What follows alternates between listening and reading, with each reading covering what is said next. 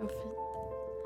Någonting jag upplever också att vi delar är ju att ehm, just lämna relationer för att vi behöver ge den kärleken till oss själva. Vad skulle du känna är någonting som är bra att förmedla till de som känner igen sig i det?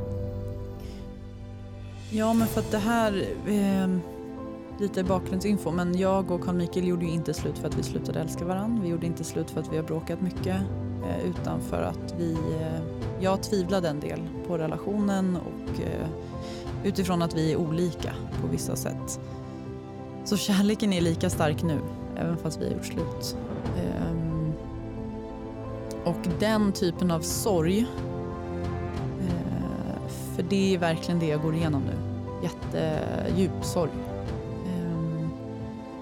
Och sorgen över att ha tagit avsked av någon som jag älskar djupt.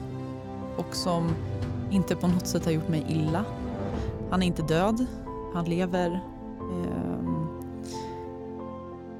Jag tror att om det är någonting jag vill förmedla så är det att sorg vi behöver gå igenom sorg genom livet. Det, ehm, det, är inte på någonting, det är inte på något sätt någonting som ska botas. Det är inte negativt, det är inte farligt. Ehm, det är sorgligt och det känns. Och vissa dagar känns det som att hjärtat ska gå sönder, vissa dagar känns det som att jag ska dö.